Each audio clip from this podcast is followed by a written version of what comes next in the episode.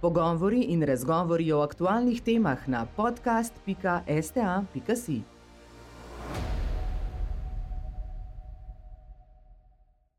Pozdravljeni, dragi gostje in vsi, ki nas spremljate preko spleta.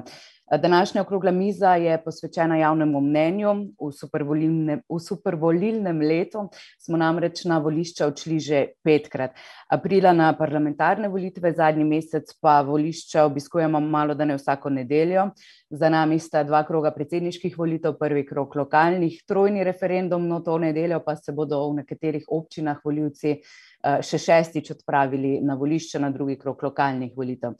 Kako pomembno je ob tem merjenje javnega mnenja in za koga, ter predvsem kako se meri, bomo poskušali osvetliti za našimi gosti, ki merijo družbeni utrip.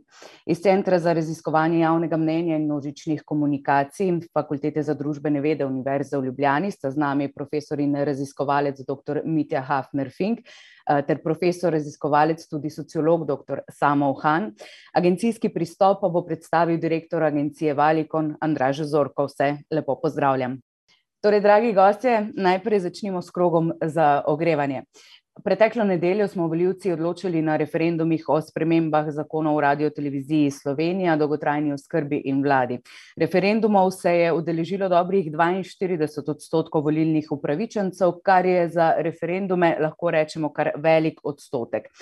Gospod Zorko, vi ste dejali, da je šlo pri referendumskem odločanju znova za glasovanje za ali proti Janši, predsedniku SDS, gospod Hafner Fink, vi pa ste pred referendumi napovedali, da voljivci ne bodo glasovali le glede na politično opredeljenost, ampak glede na vsebino referendumov. Torej, danes ta vaša trditev še drži? Uh, ja, kar se meni tiče, uh, drži in ne drži. Ne?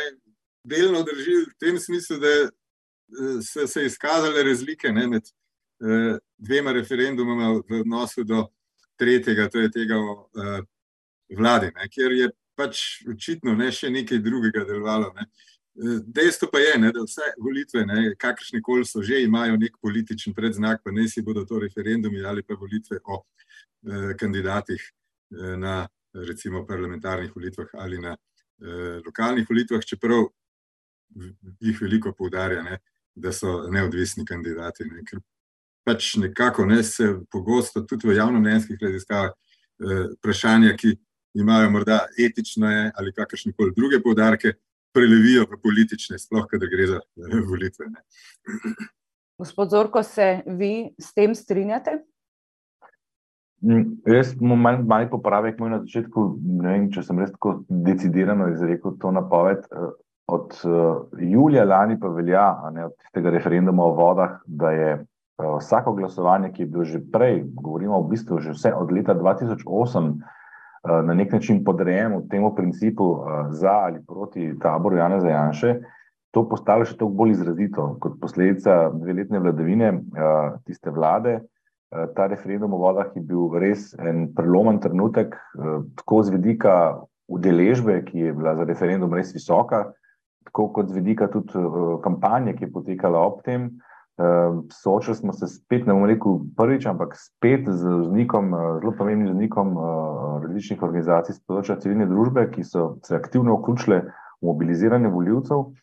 In mi smo takrat veliko izmerili po tem referendumu, kaj je bil zgib za glasovanje in tisti, ki so glasovali za in proti. In to razmerje med temi, ki odgovarjajo, da so predvsem podprli oziroma nasprotovali vladi in tistimi, ki so rekli, da so v prvi vrsti prišli uh, izraziti svoje mnenje o vsebini tega referenduma, je bilo približno ena proti ena. Uh, Medtem ko je nekaj deset odstotkov uh, tistih, ki so se odložili referenduma, pa odkrito priznalo, da so šli glasovati proti izključno zaradi nasprotovanja tej vladi. Se pravi, ta moment, da, da je nekdo volil, kakor je, zaradi svojega odnosa do takratne vlade, je kar zelo prisoten več kot polovici primerov.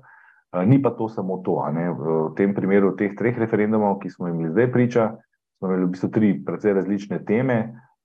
Ena je še izrazito izstopala, to je zakon o RTV, kjer je bila tudi največja kampanja, oziroma največji, največ pozivov k mobilizaciji. In mislim, da so se pa še posebej pri zakonu o vladi, ki pa se po mojem mnenju, tako malo po naključju znajdu, če se malo karikiram v, v tej družbi, ne, ker je pač to nek tak zakon, ki ga načeloma vsaka vlada spreme, ko, nasta, ko nastopi svoj, svoj mandat. Tam pa je prihajalo do tega opredeljevanja, tudi v družbi je bilo zaznati veliko uh, debat o tem, kaj pravzaprav to pomeni, še posebej okrog uh, združevanja energetike in okoljevarstva v isto ministrstvo. Tako da jaz mislim, da se je tudi kar nekaj ljudi odločalo glede na osebino, ker če bi se samo glede na odnos do tega, kdo je predlagatelj in kdo je zagovornik, potem bi bili rezultati za vse tri referendume enaki. Pa niso bili. Tako da je pri tem referendumu zagotovo bil večji vpliv, uh, mislim, pa pomembnejši vpliv tistih, uh, ki so glasovali zaradi uh, vsebine, kako so oni. Uh -huh. uh, gospod Uhan, kateri kazalci so torej tisti, ki kažejo na obnašanje voljivcev v teh primerih?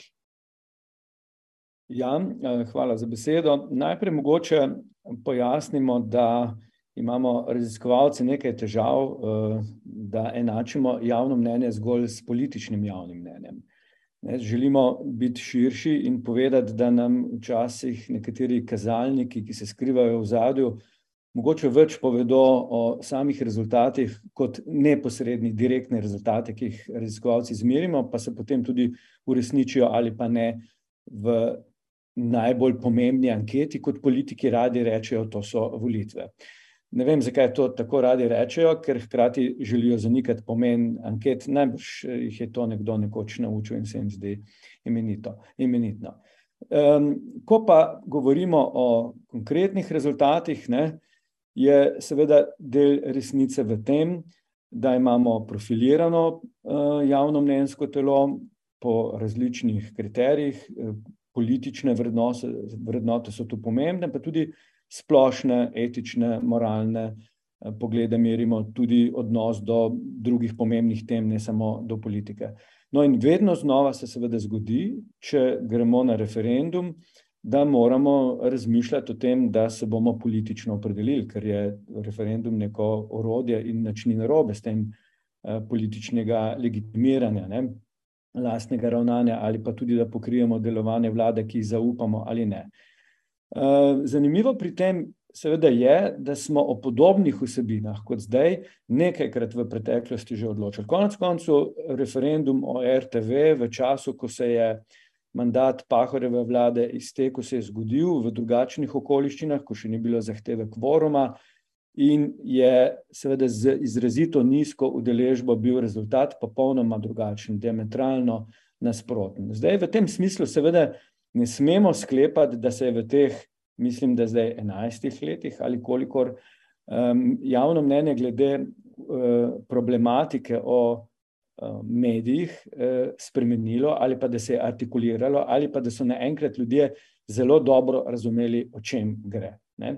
Mislim, da je količina znanja, vedenja, poznavanja vseh dimenzij problemov medijev letos, ne, leta 2022, enaka kot takrat, ko se je ta referendum zgodil in je klavrno propadel. Kaj je torej vplivalo na drugačen rezultat? Brez dvoma, onkraj vsakega dvoma, seveda tudi opredeljevanje do uh, politične spremembe, ki se je zgodilo in ki je posledica uh, pa seveda različnih dejavnikov. Ne. Eh, medija, mediji so pri tem vplivali, politika je vplivala, seveda tudi širše okoliščine, ne, v katerih živimo.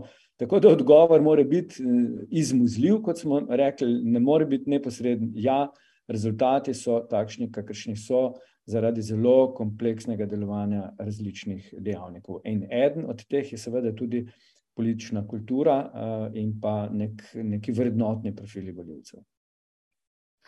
Če ostanemo za trenutek še pri aktualnih temah, eh, pred nami je še drugi krok lokalnih volitev. Večina občin je svoje župane dobila že v prvem krogu. Zdaj, vsaka stranka je po lokalnih volitvah po prvem krogu izpostavljala različne kriterije, po katerih je zmagovalka teh eh, volitev. Eh, kaj pa menite vi, oziroma katera so bila za vas največja presenečenja in kako dobro so merilci javnega mnenja tukaj opravili svoje delo, gospod Zorko? Um, bom začel kar tukaj na koncu. Lokalne volitve so podobno kot referendum, kar velik izziv uh, za merjenje, predvsem zaradi majhnosti slovenskih občin, ker enostavno uh, v nekaterih primerjih bi moral, tako rekoč, če se mal, če malo pretiravam, ponketirati kar vse prebivalce. Um, Mi smo to sicer letos počeli v treh mestih za enega od naročnikov, nismo javno objavljali, moram priznati, da se tudi tam rezultat kar precej približal temu, kar smo izmerili. Je pa to bistveno teže, sploh v našem primeru, ker uporabljamo v glavnem spletni panel, ne pa več telefonskih klicev. Um, za mene osebno največje presenečenje, mislim, presenečenje ni ne to, ker sem malo pa vendarle poznal okoliščine, um, je celje.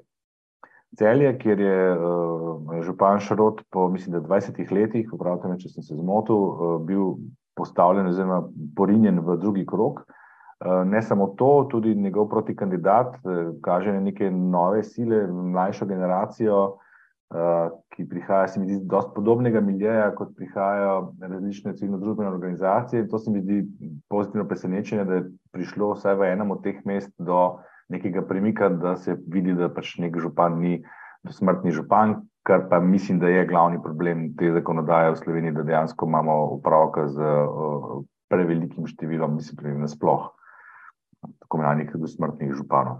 Eh, razen tega, mogoče sem bil brez presenečen tudi nad eh, rezultatom v Kopru. Jaz sem pričakoval, eh, da bo bolj izenačeno, da bi morda celo lahko prišlo do drugega kroga. To se ni zgodilo, očitno je, je, je, je nekdani župan in njegova, njegova dejanja, oziroma njegova um, razupitost, pustila kar globoke posledice, da so prebivalci še enkrat, še enkrat zavrnili. Uh, pa do neke mere tudi Maribor, ker sem pa presenečen pa v drugo smer, ne, da je ta nekdanji župan, ki ga je ljudstvo enkrat tako rekoč odneslo, je zelo toža uspel priti v drugi krok spet.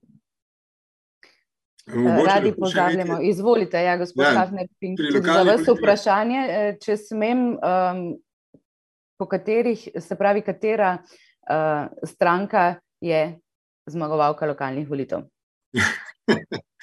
Eh, tukaj smo slišali, ne, da so se vse javile, ne prijavile, skoraj, da so zmagovalke na nek način, eh, ker so pač očitno vsak po svoje eh, interpretirali rezultate. Eh, kaj se jim recimo zanimivo je ta, ne, ko je Janes Janša izjavil, da je rezultat ok, sicer eh, to je bilo pri referendumu, ne, pri lokalnih volitvah pa, da pač vse smo veliko dobili drugje, če ne že v mestih. Eh, se pravi, vedno iščejo eh, izgovore. Da, da, jaz mislim, da je zanimivo to, ne, da je dejansko novi stranki prvič uspelo, ne, da je celo neko, recimo, temu pomembno število sedežev zasedla v eh, eh občinah. Ne, eh, kar mislim, da če nazaj pogledamo, se ni zgodilo na ta način. Ne, če, pa, in to takoj po volitvah eh, državno-zborskih, se pravi, zelo malo po ustanovitvi stranke, ne, ker nove stranke praviloma nimajo nekih Eh, recimo temu, terenskih še eh, organizacij, da bi lahko vodile kampanjo tako, recimo, zelo direktno na, eh, v samih okoljih, kar je potrebno. Ne. Tudi recimo zato imajo ne, tudi bivši župani ali pa župani vedno prednost, ne, ker veliko lažje kampanjo vodijo in izrabljajo tudi verjetno ne, ta svoj položaj kot župana, da pač propagirajo svoje dosežke. Recimo,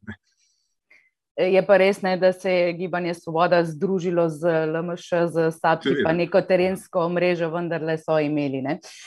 Na lokalnem nivoju torej velja, da volimo bolj tiste, ki jih poznamo, ki jim zaupamo, ne glede toliko na strankarske barve. Kaj to pove o slovenski družbi, gospod Ohan? Gre za to domačijsko, kot to imenuje Vesna Vogogodina? Ja, najprej Uh, takole, ne? Morali bi se vprašati, kakšne so bila pričakovanja, da bi lahko dobro razložili, kaj se je pravzaprav na lokalnih volitvah zgodilo. Do sedaj je veljalo nekaj, če tako rečem, v kamen uklesanih eh, pripričanj, ne? da je podeželje desno, oziroma desno proti sredini, da je močna SLS, pa NSI, pa seveda tudi Janša in da ponavadi stranka, ki močno uh, zmaga na državno-zborskih volitvah, potem pozabi na pomembnost lokalnega omrežja in doživi hladen tuš na lokalnih volitvah. In mislim, da so bile takšna pričakovanja tudi uh, na desni sredini. Zato tolikšen šok. Zdaj, vprašanje, kdo je zmagovalec. Lokalne volitve so priročne za to, da se vsi razglasijo za zmagovalce, kot smo slišali, pač odvisno od zornega kota, pa vendarle je tu treba dejati, ne, da je na sam večer razglasitve rezultatov lokalnih volitev eh, meni bilo jasno, da bo treba počakati nekaj dni, predvsem, da se prešteje glasove mestnih svetov, kjer pa se je pokazalo, da je Gibanju Svoboda uspelo nekaj, kar ni ravno običaj.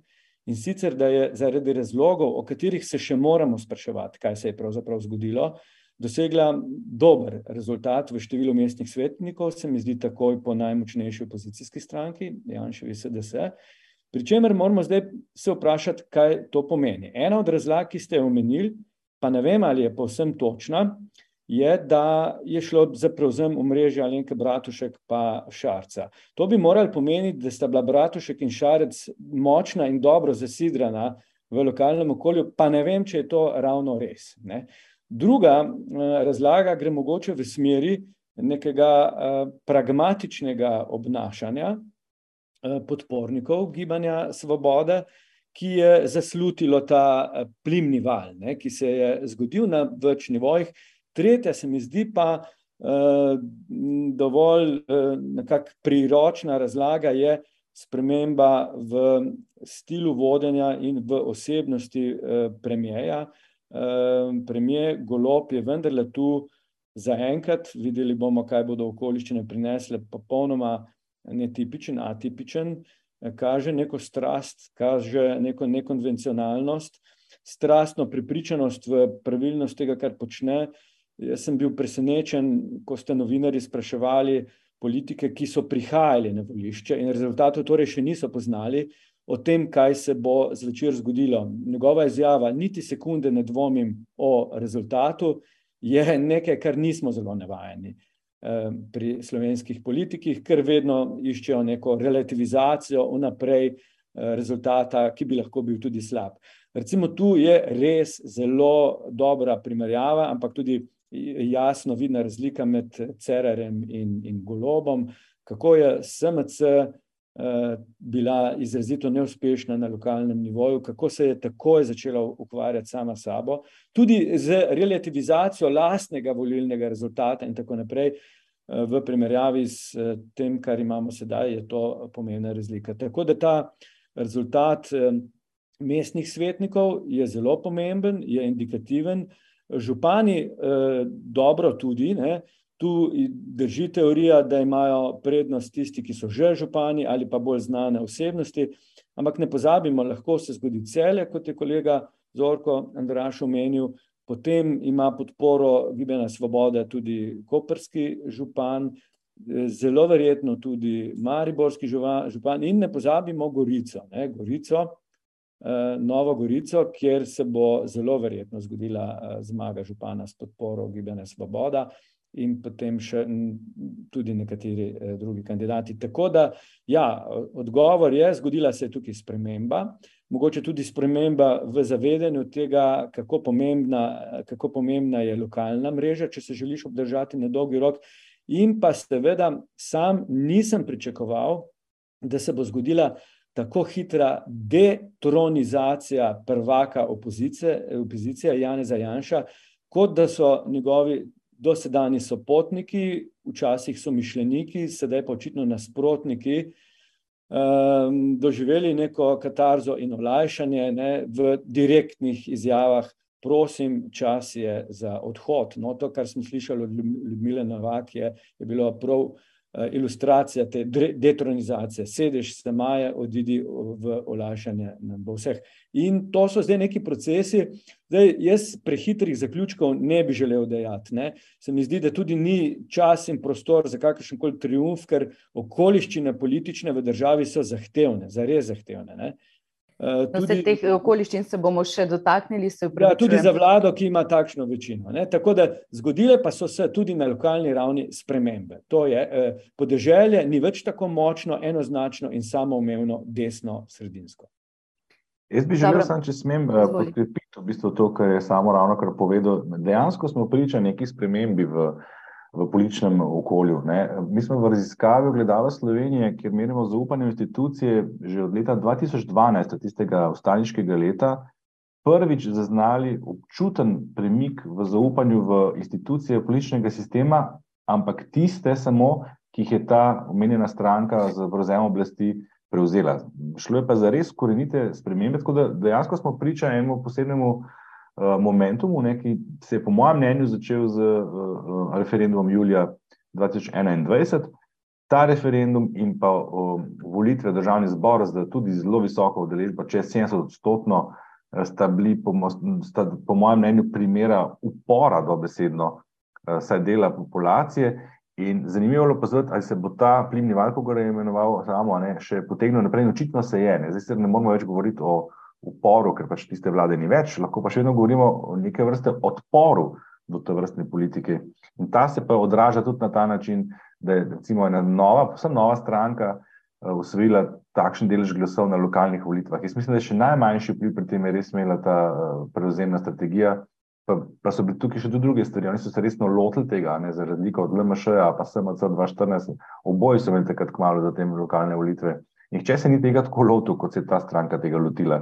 Uh, mi smo lahko več tednov opazovali po celi Sloveniji plakate. To je bil en, en, en pristop, recimo, ki ga te nove stranke prej niso ubrali, čeprav so imeli v bistvu vse vire na voljo za to. Tako da več teh dejavnikov, ampak ključen od vseh se mi zdi pa ta momentum, uh, ta, ta sprememba v doživljanju politike med voljivci nasploh. Dobro, se še vrnemo k tej temi. Iz, ja, izvolite.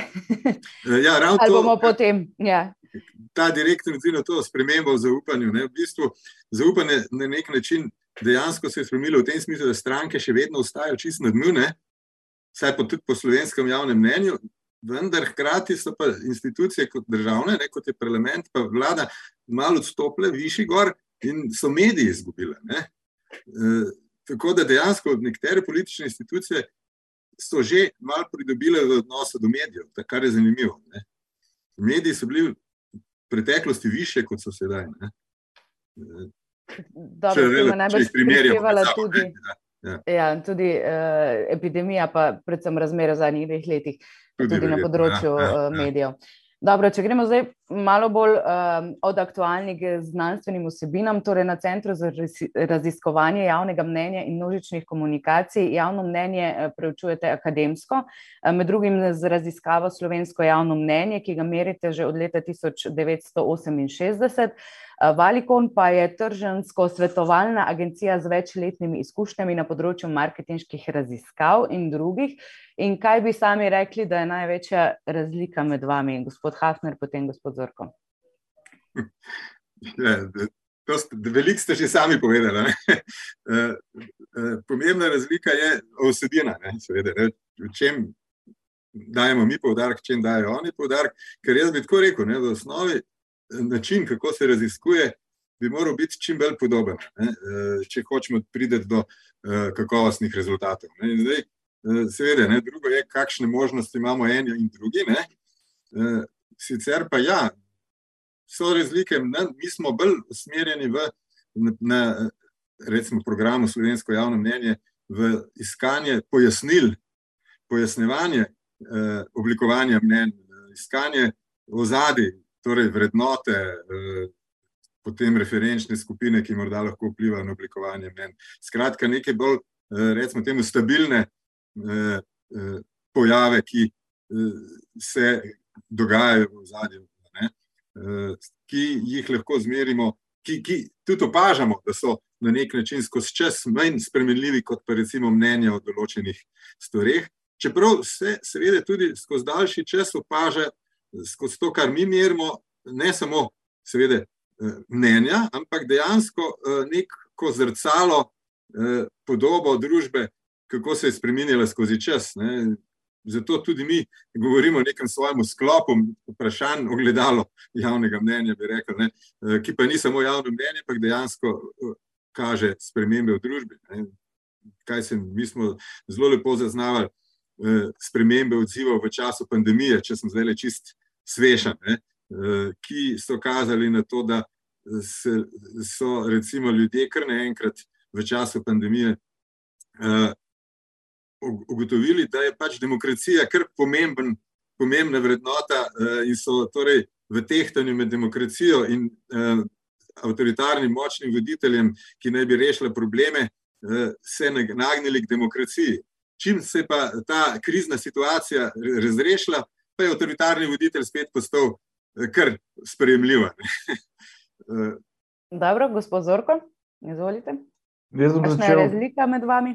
jaz bom začel s tem, kaj nas združuje. V bistvu. Združuje nas to, da, da smo ustanovitelji tega podjetja, našega podjetja, in ključni ljudje, eh, študenti, diplomanti, da smo se eh, vseh teh stvari naučili na točno isti fakulteti, kjer ta center obstaja, in da je bil recimo naš raison d'être, da tako rečem, eh, ko smo prišli na trg, ravno to, da smo takrat obstoječim agencijam učitali, da ne delajo tako, kot bi morali delati. Ker smo prišli na trg in rekli, da je vzorec 300 je pa res premehen za te stvari. Mi smo bili tista agencija, ki je prišla na trg in je začela naročnikom prodajati multivariantne analize, kjer smo se najprej pet let trudili dopovedati, da ne, niso multivariantne, ampak so multivariantne in tako naprej. Skratka, mi smo ta, ta, ta, ta del stroke v, v največji možni meri prenesli na trg. Ne, te pa pridemo pa do te ključne razlike. Mi smo seveda predvsem bolj komercialno usmerjeni, oziroma izključno ne. Uh, ne glede na to, pa delamo določene projekte, že prej omenjena raziskava Gledalo Slovenije, recimo je takšna, ena podobna je tudi uh, nova normalnost, ki smo jo začeli izvajati takoj, ko smo se zaprli v stanovanja oziroma hiše uh, ob epidemiji. Sta dve recimo raziskavi, tipično javnomnenjski raziskavi, s katerimi se tudi mi trudimo spremljati uh, družbene fenomene v času. Bom zdaj se pohvalil in podaril, da teh raziskav nihče ne financira, ampak jih investiramo v to sami, ker smo družbeno odgovorno podjetje. Um, drugač pa ja, naš fokus je pa seveda v večini primerov uh, na, na trženskih raziskavah, uh, javnomnenjske, jaz bi si želel več, ampak uh, jih je v bistvu manj, manjši delež, no, razen letos, ko je bilo to supervolilno leto, do tega nekoliko več. Gospod Han, zdaj javno mnenje ne obstaja, dokler se ga ne izmeri, ne, po nekaterih teorijah. Raziskovalci javnega mnenja torej pravite, da javno mnenje merite, politiki pa, da ga z, obja z objavljenimi ugotovitvami raziskav ustvarjate. Kaj torej drži in um, kaj ima na družbo večji vpliv, naročene tržne raziskave ali akademske? In eno in drugo, seveda, je najbolj previden odgovor. Ne? Uh, samo eno stvar bi še rad rekel in pravzaprav dal kompliment našim kolegom in tudi partnerjem. Uh, tukaj ni rivalstva, ne? ni tekmovalnosti. Mi smo pravzaprav hvaležni agencijam, ki so, uh, tako kot je rekel Andraš, postale boljše, potem, ko so oni prišli na trg, nekatere, no, ne ravno vse, ampak zakaj? Ker se tudi kredibilnost našega početja, vsega skupnega, pravzaprav dviguje. Jaz moram reči, da imam včasih priložnost razlagati, kakšne rezultate, in nikoli ne pridem v zadrego, da bi mi kdo rekel: Joj, vi, raziskovalci, kaj pa oni, pogledajte, kako ste v tem obrsli. Ne. Pa tisto, kar poznajo gledalci, poslušalci, če tako rečem, so predvsem rezultati komercialnih agencij, ne? ampak poznajo jih pravzaprav na dober način. Ena razlika je malce večja, ne? po naravi stvari, predvsem pa po naravi financiranja, je, da smo mi zelo dobro mednarodno upeti, kar ni samo po sebi umevno, s tem, da smo del velikih mednarodnih raziskovalnih projektov, ki imajo neke konceptualne posebnosti, to so recimo svetovna raziskava vrednot, pa evropska raziskava vrednot. In še nekaj teh mednarodnih projektov, ki nam potem omogočajo zelo dober, poglobljen, primerjalen uvid v rezultate, Če vzamemo uh, rezultate v globalnem smislu, cel svet, to je svetovna raziskava vrednot ali pa evropsko, kar seveda pomeni, da mi lahko opisujemo družbo, v kateri živimo, tudi v tej primerjalni perspektivi. Ne. To počnemo, to tudi promoviramo, tudi razlagamo, ampak se mogoče včasih ne sliši tako zelo spektakularno, ker ni usmerjeno v en sam dogodek ali pa pojav, ampak damo v, v neko širšo uh, uh, perspektivo. Ne. Eh, sicer pa, seveda, ne, eh, kar zadeva ustvarjanje ali pa merjenje javnega mnenja, eh, jaz sam si ne upam trditi, da to, kar počnemo, je povsem in do konca objektivna meritev, ker bi moral znati, bi biti, moral bi biti zelo natančen in povedati, kaj je tisto, kar merimo.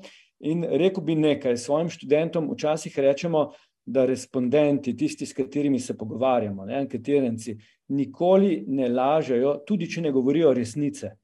Zdaj pa kaj ta paradoks pomeni? To, kar povedo, povedo v nekem motivirajočem kontekstu na način, kot najbolj znajo in razumejo. Naša naloga je pa potem ta metatekst, ne, med vrsticami interpretirati, kaj so ljudje povedali, ko so želeli nekaj povedati. Tu se moramo in se, mi, se upravičujem za en kratek ekskurs, malo teoretski, ne, vprašati tudi, kakšna pa so funkcije javnega mnenja. Ne. Sej, eh, ne zato, da servisirajo politika, ampak zato, da z vidika respondenta izrazijo nek svoj pogled. Včasih tudi malce pravimo, branijo samega sebe v smislu izražanja stališč, kakšna pa so njihova stališča, in pa tudi pomislite, ne, ljudje, s katerimi se pogovarjamo in so vir za naše informacije, ne želijo biti sami sebi uh, razglašeni kot nevedneži. Ne. Torej se zelo dobro odzivajo tudi na naše posebnosti instrumenta. In tukaj imamo nekaj težave, treba povedati. Ne. Privilegij egzaktnih znanstvenikov, naravoslovcev je, da imajo objekt, ki čez noč ne spremeni svojega mnenja. Ne. Včasih je kolega Vlado Miheljak leta nazaj rekel nekaj duhovitega, ko je na začetku veljalo, predvsem tržni ne, raziskovalci so nam rekli, gledajte, kaj komplicirate, vi morate mnenja meriti in uh, to se dogaja podobno, kot če sprašujete ljudi, kater pralni prašek bodo kupili. Ne? Vse to je nekaj podobnega. Potem je pa vlado Miheljak rekel, veste kaj, pralni prašek ni imel starega očeta pri domobrancih. Hotel je povedati, kako pomembno je upoštevati neke dejavnike, ki intervenirajo v to. Ljudje pač imajo čustva, ne? imajo torej, emocije, imajo svoje projekcije, kaj je prav in kaj ne. In tukaj se pač mi v tem primežu znajdemo in počnemo po našem mnenju tisto, kar se seveda da početi. Ne? Če lahko dodam, Izvolite. Ja, zdaj, eh, tukaj je seveda lahko bi eh, morda začel zadevo še s trditvijo Bordjeja, ki je nekoč rekel, da javno mnenje ne obstaja. Vsaj takšno, ne kakršno si ga predstavljamo, mi, ki ga merimo. Recimo, ali pa, ali pa, ampak zakaj ne? ne? Ker dejstvo je, ne, da neka predpostavka, s katero se je pogosta predpostavka, s katero se vstopa ne, v raziskovanje, javnega mnenja je tudi ta, da morajo imeti vsi oblikovano, da ga morajo vsi imeti mnenje o neki temi. Eh, in mi seveda postavljamo vprašanja, za katera mislimo, da so pomembna, čeprav za mnoge sploh niso relevantna in se morda celo tisti, ki so bolj uh, ustrežljivi, potrudijo in dajo odgovor, oblikujejo neko mnenje. Ne. Uh, tako da tudi to je en problem. Uh, drug problem je pa tudi ta, ne, da če ga že nimajo, ne, potem morda gre tudi za ta problem, ne, da mi jim postavimo neko vprašanje, ki, morda, uh, ki ima neko etično ozadje ali kaj podobnega. Zelo hitro, če nima nekega mnenja, začne iskati neke druge, uh, recimo, temu vere. Eh, informacije, da bi našel odgovor, in hitro postane to politično vprašanje za nekoga, ne več etično. Ne? Kaj se recimo vprašanje o smrtni kazni ali kaj podobnega. Ne? Ker išče v bistvu na nek način uh, uh, kaj so neke reference, eh, nekje druge, kot pa zgolj, se pravi, doskrat tudi v politiki. Potem, ne, okay. Če se dotaknemo zdaj samega raziskovanja. Eh, kvalitetna raziskava, torej vemo, da potrebuje kvaliteten reprezentativen vzorec. Za akademske raziskave je na voljo registr prebivalcev Slovenije. Eh, agencije pa morajo ta vzorec sestaviti same. Kako, gospod Zorko? Ja, Hvala za to vprašanje. Mi smo se počutili kar malo zapostavljeni pred časom, ko nismo, morali, nismo mogli več priti do, do, dostopa no, do CRP-ja. Eh, imeli pa smo ga enkrat pri nacionalni skaj baranosti, tam smo uspeli um, prepričati institucijo, da, da je to projekt nacionalnega pomena in da smo zato lahko recimo, dobili tako vzorec. V večini primerov pa tega seveda ni. Uh, Moramo povedati, da pač v Valikonu zdaj že kar nekaj let uh, večino raziskav izvajamo s pomočjo spletnega panela. Um, mi smo s tem začeli zelo zgodaj, pred ladjem skromnosti, prvi v Sloveniji, postavili sploh tak panel. Gre v bistvu za eno skupnost uh, anketirancev, ki so v nekem obdobju pristali na sodelovanje in dobivajo po nekem čisto ključnem principu vabila posameznim anketam. Uh, tak vzorc ni več tak, kot bi moral biti, ko govorimo o teh um, osnovnih pravilih, je prilagojen ustrezno. Smo se pa zelo potrudili. No. Moram priznati, da smo um, v začetku naš panel v bistvu rekrutirali skozi, skozi vse raziskave, ki pa so bile narejene tako, pa je dobuk. Tako da en del vzorca je bil sigurno narejen pravilno, drugi del pa pač ne. Na tle uporabljamo pa še različne druge tehnike, s katerimi se skušamo približati uh, reprezentativnemu vzorcu. Niso pa to, tako rekel, uh, akademsko, mislim, da tole ne vem, če bi šlo skozi, da kolega povedala. Ne. Zanimivo so pa rezultati, pa ne, tisti, ki na koncu dneva potrjujejo, da smo očitno naredili prave korake, zato ker, staj, če drugega ne, mislim, so pa prav volitve, referendumi, uh, ključen moment, kjer se potrjuje uh, kvaliteta takšnega vzorca in s tremi zaporednimi, zelo natančnimi napovedmi, kaj se bo na volitvah zgodilo, uh, smo v bistvu dokazali, ne, da so ti vzorci pri nas uh, v redu. Lahko se pa pri tem navežem še na tisto prejšnjo debato. Ne, uh, ustvarjanje, merjenje javnega mnenja. Seveda, vsaka objava um, javnomnenja, rezultatov javnomnenjskih raziskav vpliva na mnenje. To, to je neizpodbitno, tako kot vsako, vsako, vsak zapis, vsak članek vpliva na to. Uh, in to se je v Sloveniji izrazito pokazalo spet od leta 2008 naprej, ko se je začel ta pojav taktičnega glasovanja širiti. In so dejansko raziskave, ki so objavljene v petek zvečer, vplivali na to, kako se ljudje odločajo v nedeljo. To je neposredno vpliv. Ne? In s tem ni nič narobe. Ne? To je lahko legitimen vir za odločanje voljivca kot karkoli drugega. Narobe bi pa seveda bi bilo, če bi pa nekdo ne, v ta petek porinil neko raziskavo, kateri rezultati bi bili prirejeni. To pa bi bilo potem ustvarjanje javnega mnenja. Drugač pa, drugač pa ne, mislim, da tle ni uh, resnega problema s tem. Uh, gospod Hafner, Fink je to kvaliteten vzorec in kako velik pravzaprav mora biti za to, da je uh, reprezentativen, kako ga sestaviti? Ja, zdaj, da, seveda, ne, v akademskem svetu nekako, ne, če zdaj grem v to skrajnost, eh, kjer je, eh, so zahteve najstrožje, recimo, s katerimi se mi srečujemo, eh, to je raziskava European Social Survey, je seveda pri, so pričakovanja, da gre za vzorec, ki bo verjetnosten, to pomeni, da je narejen na podlagi, narejen na podlagi znanega okvira, eh, torej vzorčnega, torej neki populaciji, ki, ki jo poznamo, za katero imamo podatke, torej recimo registr prebivalstva je to najboljši okvir. Zdaj, eh, in da se to tudi osebno anketira, ne? Eh, ker ima raziskovalec nek nadzor. Ne? Danes seveda se celo v teh najbolj rigoroznih pri raziskavah, kjer je ta metodologija najbolj rigorozna, začenja popuščati iz več razlogov ne, eh, temu. Eh, čeprav še vedno se eh, analize kažejo, da je še vedno ta osebno anketiranje in verjetnostni vzorc daje najboljše rezultate, kljub zmanjšanju odzivnosti anketirancev oziroma prebivalcev za sodelovanje pri anketah, vendar se ravno zaradi tega razloga začenja iskati nove rešitve, tudi spletno anketiranje. Ne.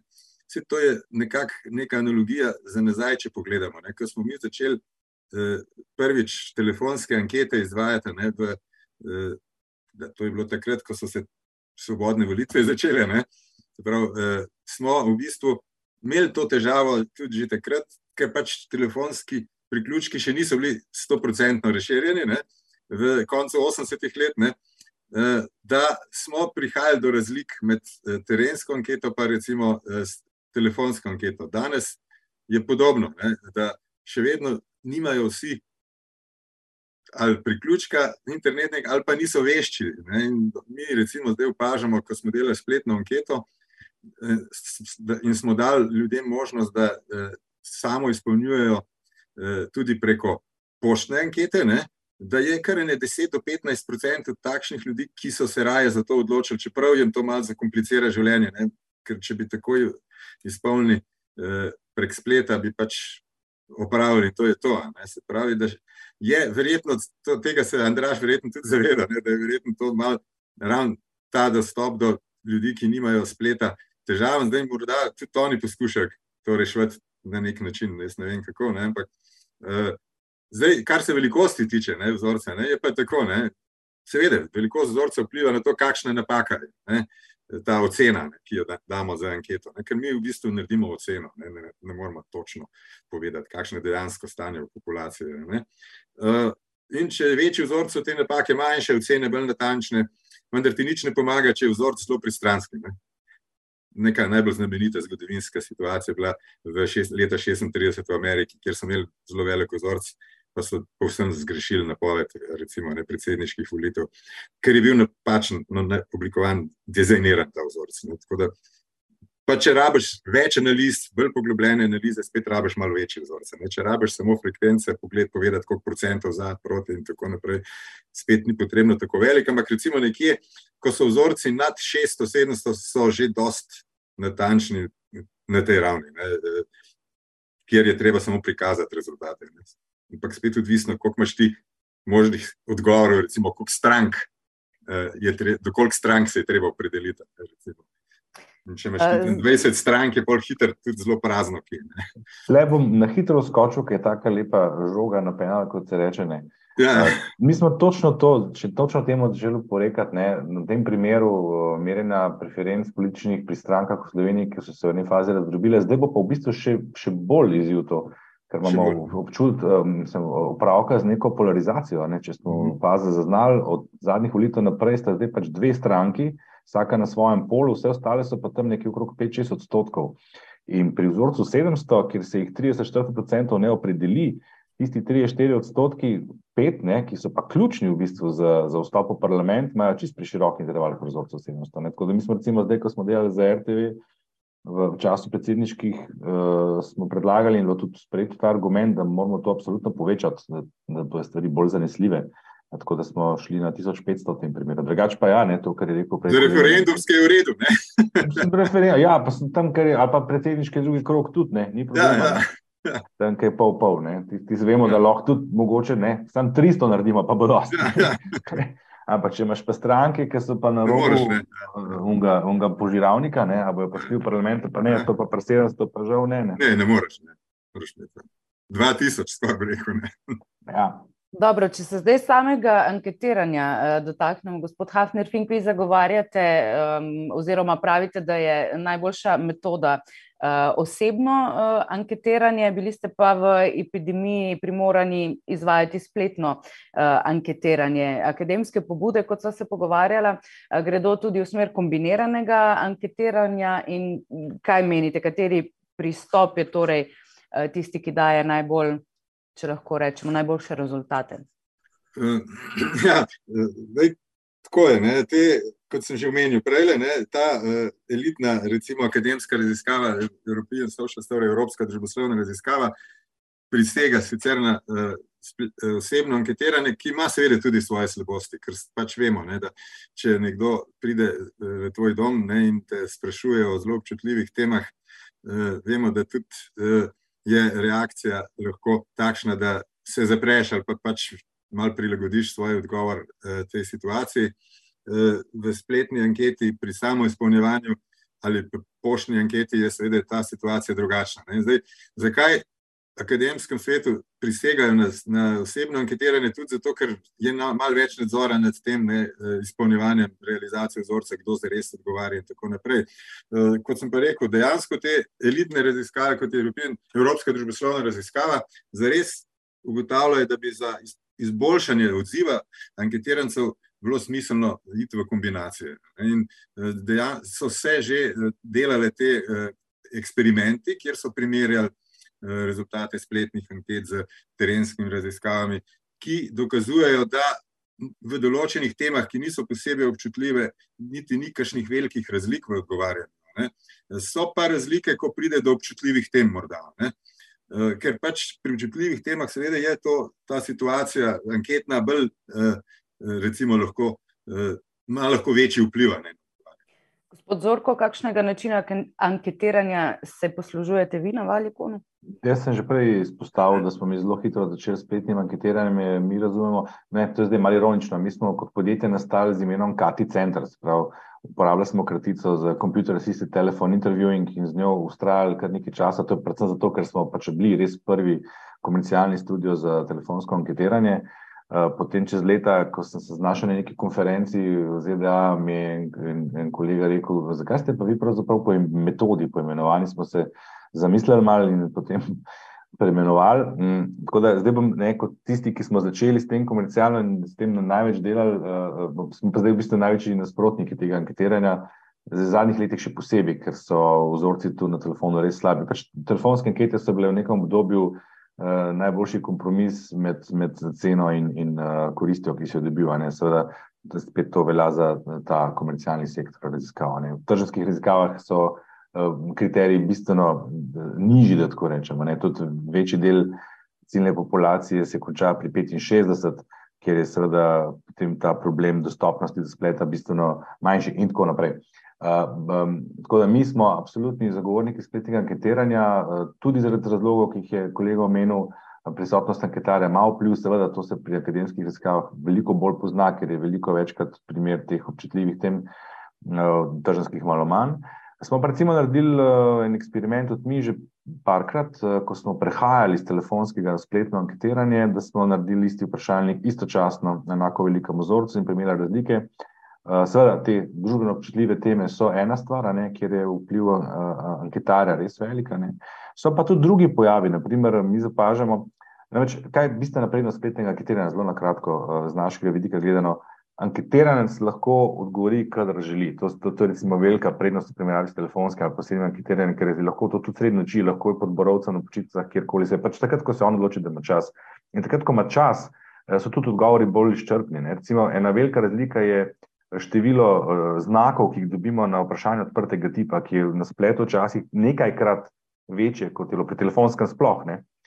Eh, druga stvar je pa navajanje določenih znank po spominu, tako naprej, ker uporabljaš logotipe. Skratka, kar nekaj prednosti, ki pridejo izraza, predvsem v tem našem sektorju uh, tržanskih raziskav. Tako da, ja, mi smo absolutni zagovorniki in, in večinsko na spletu.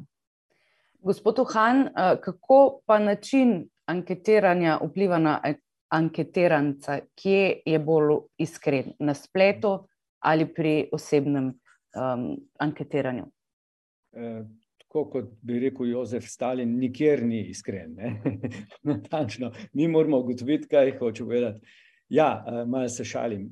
E, seveda obstajajo tudi razlage, teorije, kateri način, mod, kot temu rečemo, je najbolj primeren.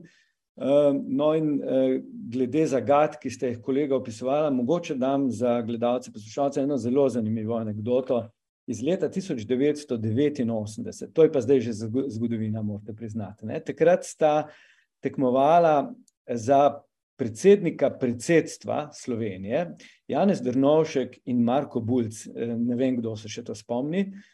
Uh, zakaj je bilo to zanimivo? Ker je bil Janez Drnovšek popoln anonimus, takrat nihče ga v Sloveniji ni poznal. Marko Bulc je bil pa dokaj ugleden politik, bivšega uh, Eh, sistema z dovolj veliko reputacijo in pri tedniku Mladina so se takrat odločili, da bodo pri agenciji, komercialni, ki je danes ni več, takrat sem pa jaz z njo sodeloval, so se odločili, da bodo napovedali, kdo bo zmagal.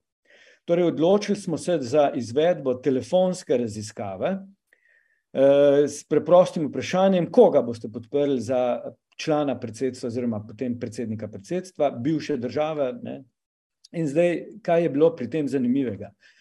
Ne, podatek, ki vam ga moram uh, zaupati, takrat je v Republiki Sloveniji bilo zgolj 40 odstotkov gospodinstv, ki so imeli stacionarni telefonski priključek, mobilnih pa takrat ni bilo. Internet pa nismo vedeli, kaj to pomeni. In zdaj, kako rešiti to zagato? Uh, Skoraj da malce narodno mi je povedati, kolega bo ta zmajala z glavo, vzeli smo neskončno debel telefonski imenik, če kdo ve, kaj potem to pomeni, vzeli A4 format in zgoraj levo pa spodaj desno izrezali okence za ime in priimek in potem na vsako neto naslednjo stran, kot temu rečemo, polagali to šablono skozi telefonski imenik in izpisali toliko in toliko imen, 900, 1000, 1500, in vse ta gospodinstva poklicali in jih preprosto vprašali. Ne, skratka, neko randomizacijo, neko naključno smo poskušali uvesti. Tudi že takrat smo spraševali, če se lahko pogovarjamo s tistim, ki je zadnji praznoval rojstni dan, da imamo dvojno naključje. Zdaj, kje je nastala težava? Dobili smo odgovore, nihče ni verjel rezultatom, novinarji na mladini so se držali uh, za glavo, ker so naši rezultati pokazali jasen in nedvoumen rezultat. Zmagal bo anonimus Janez Drnovšek. Zdaj, kako zdaj to javnosti sporočiti, ko ga nihče ni poznal? in seveda tudi računati na politične, če tako rečem, posledice. Predvsem pa nihče ni verjel, da z metodo, ki smo jo uh, izvedli, lahko karkoli napovemo. Tudi mi, moram priznati, nismo vedeli, ali delamo dobro ali ne, ampak odločili smo se, da objavimo to. Težava, ki pa je nastala in je podobna kot pri internetu danes, je, da smo mi seveda vedeli, da bomo dobili premalo podeželja, premalo kmetov, ne, noter v, v, v ta vzorec. Uh, kar se je zgodilo, ne, uh, to smo rešili z nekim ponderiranjem, kolega, dobro veste, kaj to pomeni. Ne, obtežili smo uh, rezultate, no, naleteli smo pa na novo težavo, Mi smo na ta način dobili dovolj veliko odgovorov prebivalcev z podeželja, recimo tudi kmečkega eh, prebivalstva. Vendar, veste, kaj se je pokazalo?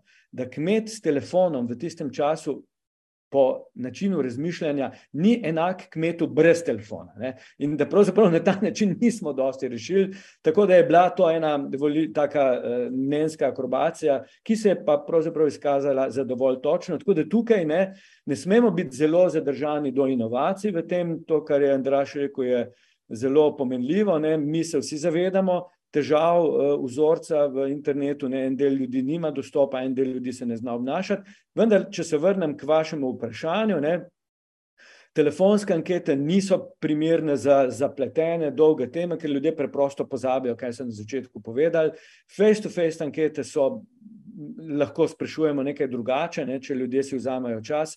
Eh, poštna anketa, ne, te nismo omenili, pa še ni povsem izumrla, predvsem v nekaterih eh, segmentih. Ne. Uh, ima pa neko posebnost, vzorčno, ne, da odgovarjajo ljudje, ki so bolj funkcionalno pismeni. Ne. Eh, in pa drugo posebnost, da ljudje anketo dobijo na dom, pred sabo, odprejo anketo, preberejo uh, vprašanja od prvega do zadnjega in prilagodijo odgovarjanje v smislu neke prisilne konsistentnosti. To pomeni tako, da če, če sem jaz na prvo vprašanje odgovoril pritrdilno, pazim, da so vsi odgovori v nadaljevanju skladni s tem, kar sem rekel na začetku, preprosto zato, da ne izpadem kot nevednež ali pa nekdo, ki ne ve, kaj počne. Tako da tukaj eh, se odpira čist novo področje, ki ga rešujemo z eh, raziskovanjem, izkušnjami, s teorijo eh, in mislim, da smo pri tem razmeroma uspešni. No. Zdaj, sami ste tudi že omenili, da spletno anketiranje na eni strani lahko izloči starejšo populacijo, ki ni vešča uporabe spleta, na drugi strani, kot govarjanju, privablja mlajšo populacijo. Kako je zdaj pri volilnih napovedih um, ta torej smiselna, če vemo, da se volitev v večji meri udeležujejo starejši, mlajši, pa ne toliko, oziroma ali to še vedno drži in ali se morda referendumi v tem pogledu drugačni, gospod Hafnerfink? Ej, zato bi moral pogledati res analize, ampak dejansko zadnje eh, volitve, več teh zadnjih glasovanj kaže, ne, da se tudi struktura voljivcev malo spremenja. Ne, da mlajši verjetno so, tudi saj ta prvi referendum o vodah je to pokazal, ne, postali malo bolj zainteresirani, sploh, kadar gre za konkretne teme. Ne. Očitno na referendumih jih je lažje dobiti kot na klasičnih volitvah. Tako se saj zdi. Ne. Uh, zdaj, ali potem to res na nek način, uh, tako kot je tudi sam nakazoval, ne, dela neke pristranske ocene, ne, zaradi tega, ker uh, imamo takšen ali drugačen način spraševanja. Ja, lahko jih dela, ne, zdaj, kot, re, kot je tudi on rekel, rešujemo to z uh, temi uh, ponderiranji oziroma oteževanji podatkov. Uh, zdaj, seveda, če so te uteži prehude, se pravi, potrebne prehude uteži, pa verjetno je nekaj narobe. Pa tudi, kot je rekel, samo te uteži lahko samo potencirajo napako, ki je posledica uporabe nekega, eh, eh, neke oblike raziskave eh, oziroma spraševanja, ali pa seveda tega, ne, da potencira pristranost, ki je posledica odklonitev, ne, ker te, ki ne želijo sodelovati, ne, niso naključni, ne, niso nimajo enako strukturo kot tisti, ki sodelujejo. Imajo vrednote morda drugačne. Ne? Morda se da popraviti recimo to, da imamo nekako lepo, lepo vzorce v smislu strukture, so z urbanih ali ruralnih okolij, po spolu, po, morda še po starosti, ker pač imamo statistične podatke za to. Ne, ne moramo pa seveda eh, popraviti vrednot, ne, stališč ljudi, ne, ki so pri teh, ki ne sodelujejo v anketi, ne želijo sodelovati, pač drugačno od tistih, ki zares sodelujejo. Tako da tukaj je pol lahko bolj ta težava, kot pa sam eh, način anketiranja. No, kje se torej pri merjenju lahko zgodijo napake in kako jih odpraviti? A imate raziskovalci javnega mnenja morda svoj nekakšen etični kodeks, kot ga imamo novinari, torej neke profesionalne standarde, ki bi vam preprečevali, da bi vzorec lahko prilagodili tako, da bi dobili potem želena vprašanja? In ali lahko na kakšen način morda tudi manipulirate z javnim mnenjem, gospod Zorko? Um, Valikon je član uh, Združenja tržno-reskovalnih agencij ESOMAR, ki ima svoj etični kodeks in vsak član je zaveznik spoštovanja tema, tega kodeksa. Tudi mi ga seveda zvesto spoštujemo in tudi radi podarjamo. Smo v preteklih letih podarjali, da po našem mnenju ne bi smeli javno mnenjskih raziskav, ki so ukvarjali z napovedmi, izvajati tisti, ki niso člani tega združenja, ker je to nek minimalen, minimalno zagotovilo, da se v agenciji držijo. Uh, tega kodeksa. Moram pa povedati, da v Sloveniji smo samo tri, morda štiri agencije, ki smo člani, kar je do neke mere presenetljivo. Um, tako da v preteklosti smo imeli nekaj primerov, rekel, k sreči ne veliko, uh, da je naročnik od nas uh, zahteval oziroma pričakoval, da bomo postavljali vprašanja, ki so bila izrazito sugestibilna, se pravi, da so izražala mnenje. In v vsakem takem primeru smo to seveda zavrnili.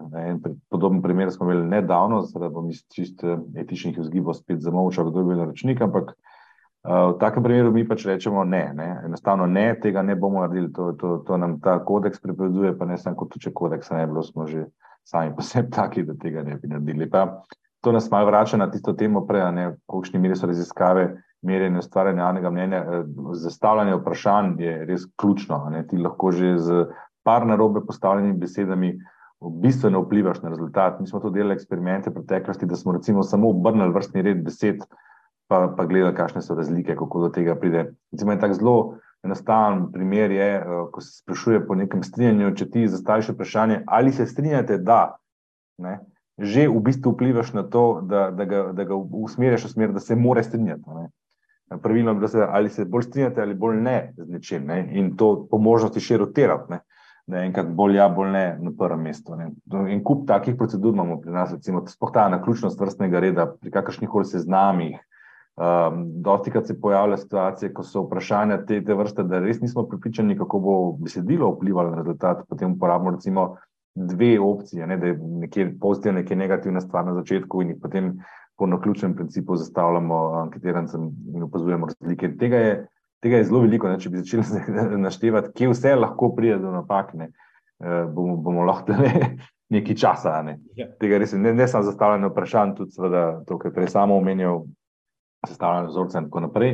Bi pa sem še to želel povedati, ker, sem, ker smo prej govorili malo o ponderiranju. Ena zanimiva stvar, kako recimo mi to rešujemo, mi se zavedamo, ne, da naš spletni panel ni reprezentativni odraz eh, populacije. Na zanimivo smo opazili, da imamo v našem panelu veliko ljudi. Mislim, mi imamo recimo bistveno večjo, večjo izmereno udeležbo pri vsakih volitvah, ker so seveda ne, kaj, ne, tisti, ki sodelujejo v panelih. So ljudje, ki so naklonjeni k sodelovanju in to velja potem tudi na volitvah. Tako se je skazalo, recimo pri volitvah, pri, pri starosti, Nekaj časa je veljalo, da z naraščanjem starosti narašča deležba, oziroma obratno, in se je zdelo, kot da je to funkcija starosti, pa potem prišla generacija za navolišča in se je skazalo, da je šlo v bistvu za generacijski, uh, generacijski fenomen. Ne? Da smo imeli v mestu pravka z eno generacijo od komunalnih milenicov, ki, ki so bistveno manj upeti v sodelovanju v družbi. In se to se je pokazalo na zadnje, tudi pri cepljenju. To je bila generacija, ki je najmanj sodelovala pri cepljenju. So take zanimivosti, ki jih opažamo pri rezultatih tudi. No, in mi rešujemo to recimo tako, da um, podiranje res to je ena velika umetnost, brez tega ni reprezentativnega vzorca. Uh, zakaj recimo zdaj pravimo mi, da, da telefon res ni več uporaben? Zato, ker so določene demografske skupine, ki jih enostavno ni več. Tipičen primer so urbani prebivalci od 18 do 35 let. Dobiti takega človeka na stacionarni telefon je v bistvu iskanje uh, da ne, vem, da ne rečem česa, in kakšne metafore. V glavnem, um, kar se volitev tiče, recimo, pri nas to rešujemo tako, to je pa zdaj pa prednost, ne panelov, da imamo mi um, sledi, oziroma trek, grdo rečeno. Ne. Mi imamo za vsakega panelista, zdaj pa že za kar, kar dolgo obdobje podatek o tem, kako je on ali se je odeležil in kako je volil na volitvah, ki so že minule. Ne. Uh, in pri oteževanju smo, recimo, ne pri oteževanju, pri letošnjih napovedih, pri predsedniških smo recimo začeli, začeli uh, uporabljati eno čisto novo tehniko, oziroma metodo, da, na, da smo sposobni napovedati verjetnost udeležbe za posameznega panelista, glede na to, kako se je on udeleževal volitev v preteklosti. Eh, ker se nam vse izkaže, ne? pri različni stopni deležbe so rezultati lahko različni. In tako naprej. Pri, pri napovedovanju volitev pa zelo preprosto. Ne?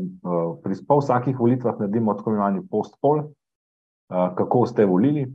To je pač ne, neko objektivno dejstvo. Ne? To je tako, kot bi vprašal, kateri pravi stroj ste kupili. Čeprav tudi tle, seveda, vemo, lahko pride do določenih odklonov, ne v smislu, da se nekdo izjasni drugače ali pa želi biti zmagovalci, ne vem, vegan efekt in tako naprej, ampak tega ni tako veliko.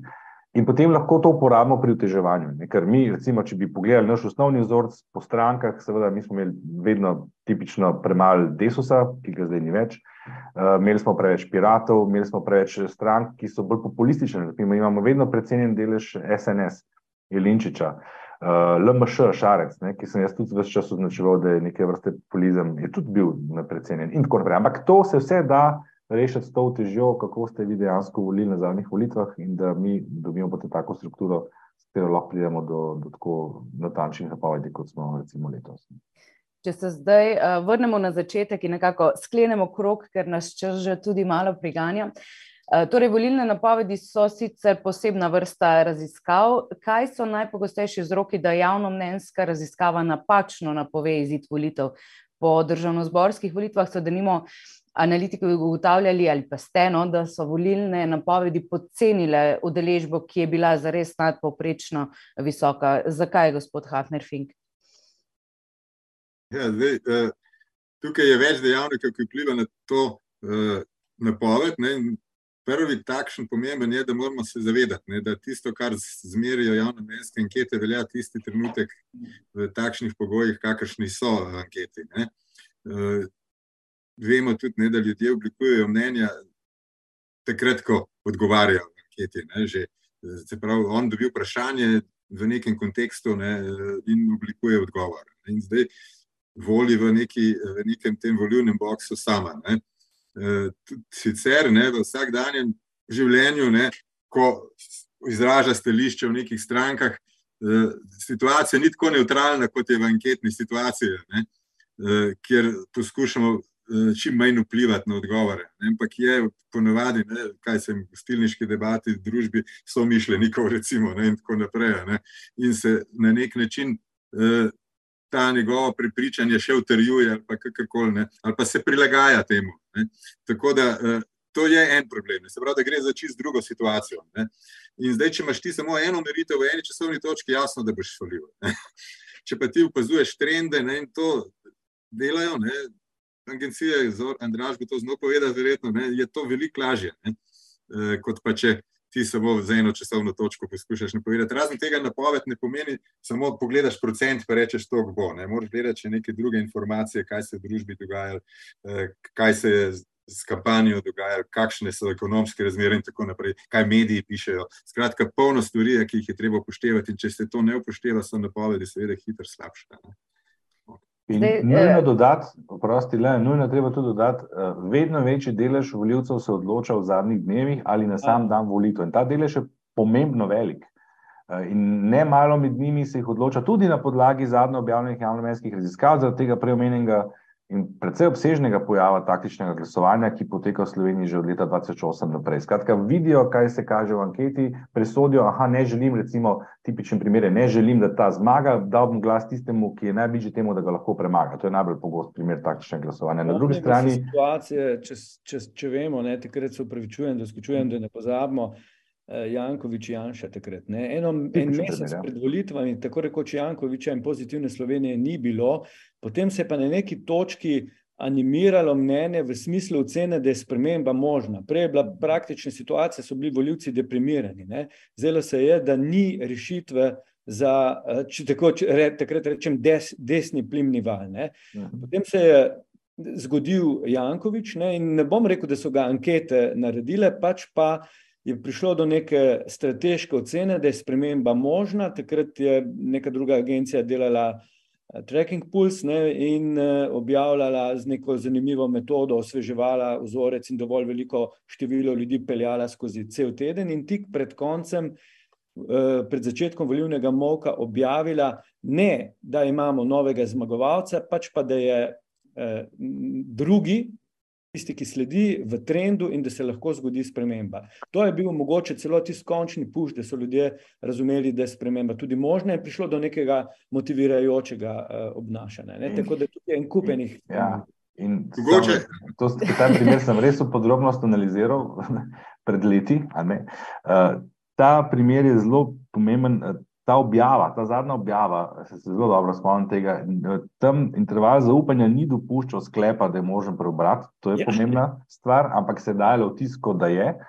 In druga stvar, takrat je bil obisk te spletne strani, kateri to je Mladina spletna stran, kjer je bilo to objavljeno, desetkratnik običajnega obiska konec tedna in tista, in tista, ne, absolutna številka je zadostovala za razliko, ki je na koncu nastala. Moram pa nujno izkoristiti še priložnost, točno ta primer smo pa mi v Valiconu uporabljali prvič metodo, da smo pa šli ocenjevati, kakšen je pa ta možen doseg, ne, kje je minimum, maksimum, to je način, na katerega smo tudi letos naredili napoved, ker je ta obseg takšnega glasovanja tako velik, ne, da ti enostavno ne moreš tega, ne smeš tega ignorirati, ne.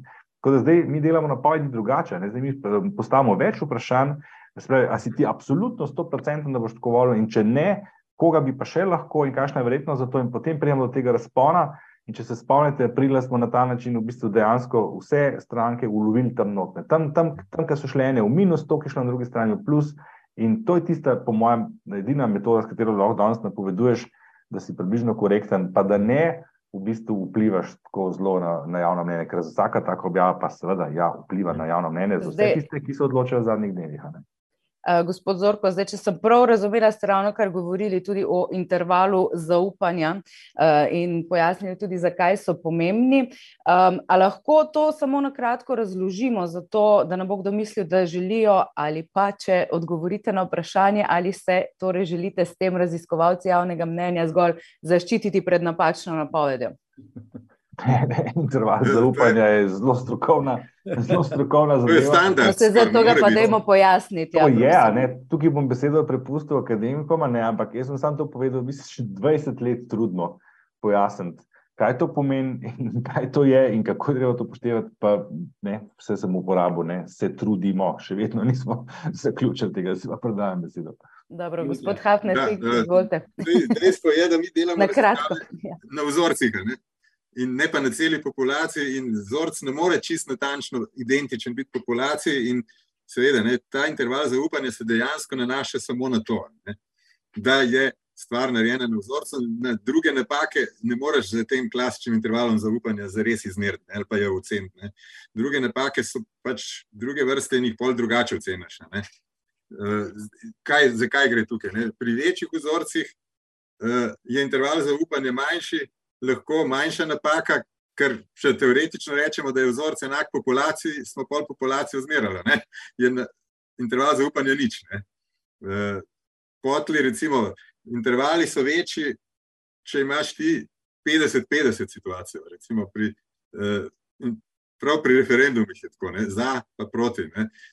Kot pa, če, če, če so procenti tam nekje blizu 50, ne? manjši, če so procenti tam bliže 100 ali pa ničli. Ne.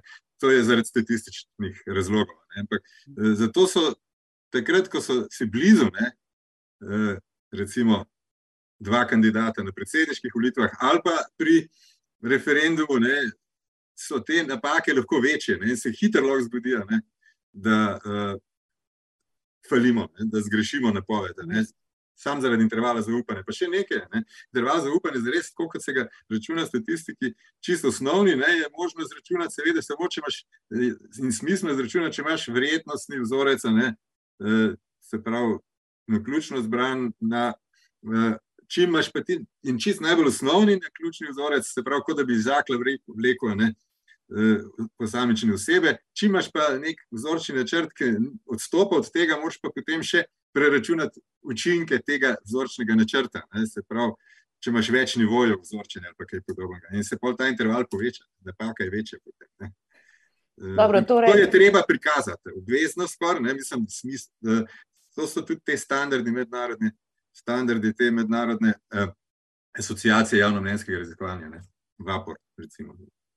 Dobro, še eno vprašanje, pa bomo s tem zaključili. Torej, v tem letu eh, smo zamenjali praktično celotno vladajočo garnituro. Pričakovanja so seveda visoka, predvsem do vlade in do novo izvoljene predsednice. Eh, število poslanskih mandatov, ki ga je zmagovalna stranka Gibanja Svoboda, ki je v našem političnem prostoru novinka, um, prejela na državno-zborskih volitvah, je bil namreč zgodovinsko visok tudi Nataša Pirc-Musar kot neodvisna kandidatka in novinka na političnem parketu v drugem krogu predsedniških volitev, kar prepričljivo lahko rečemo, slavila. Eh, kaj lahko na podlagi tega sklepamo, oziroma kaj smo Slovenci s tem eh, sporočili politiki? A gre za upor, kot smo prej ugotavljali, gospod Uhan? Um, torej, to natančno vedo samo voljivci. Lahko bi pa rekel, da se je nekako, eh, da se je nekako potrdilo ali pa celo utrdilo razmerje, ki ga že nekaj časa ugotavljamo na osnovi vrednotnih profilov eh, prebivalcev Slovenije. Zelo napačno bi bilo trditi, da imamo v Sloveniji radikalno politično telo, ne, v katerem koli smislu. Eh, pač pa, da ljudje skozi tudi konec koncu rezultate volitev ali pa ravnanje na volitvah želijo sporočiti temeljno um, vrednotno orientacijo, ki pa imajo. Ne? In v tem smislu ne, naše raziskave potrjujejo, da smo družba, ki je dokaj egalitarna, oziroma je ta egalitarnost nastopa celo kot vrednota.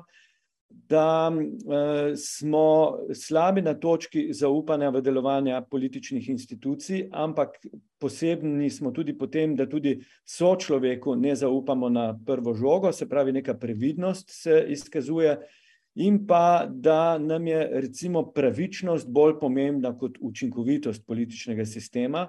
In če ljudje zaznajo skozi neke dogodke, da so se zgodile stvari, ki so v temeljnem nasprotju z njihovimi vrednotnimi usmeritvami, kar je bila recimo povečana uporaba represije v času COVID-a in v mandatu vlade Janeza Janša, da potem se to lahko preoblikuje, pretvori v nek eh, revolt in to tudi potem zaznamo v ravnanju na volitvah. Noben od teh stanj pa ni trajno, ne, to pa je treba povedati. Dobro, dragi eh, sogovorniki, dragi gosti, jaz se vam najlepše zahvaljujem za sodelovanje na okrogli mizi v okviru projekta STA Znanost. Um, hvala za vaša pojasnila in čas. Mislim, da smo bili kar izčrpni, čeprav uh, menim, da bi se lahko še pogovarjali in pogovarjali. Uh, ampak hvala lepa vam torej in tudi hvala lepa gledalcem za pozornost. Lep dan še naprej in nasvidenje vam želim. Pogovori in razgovori o aktualnih temah na podcast.sta.si.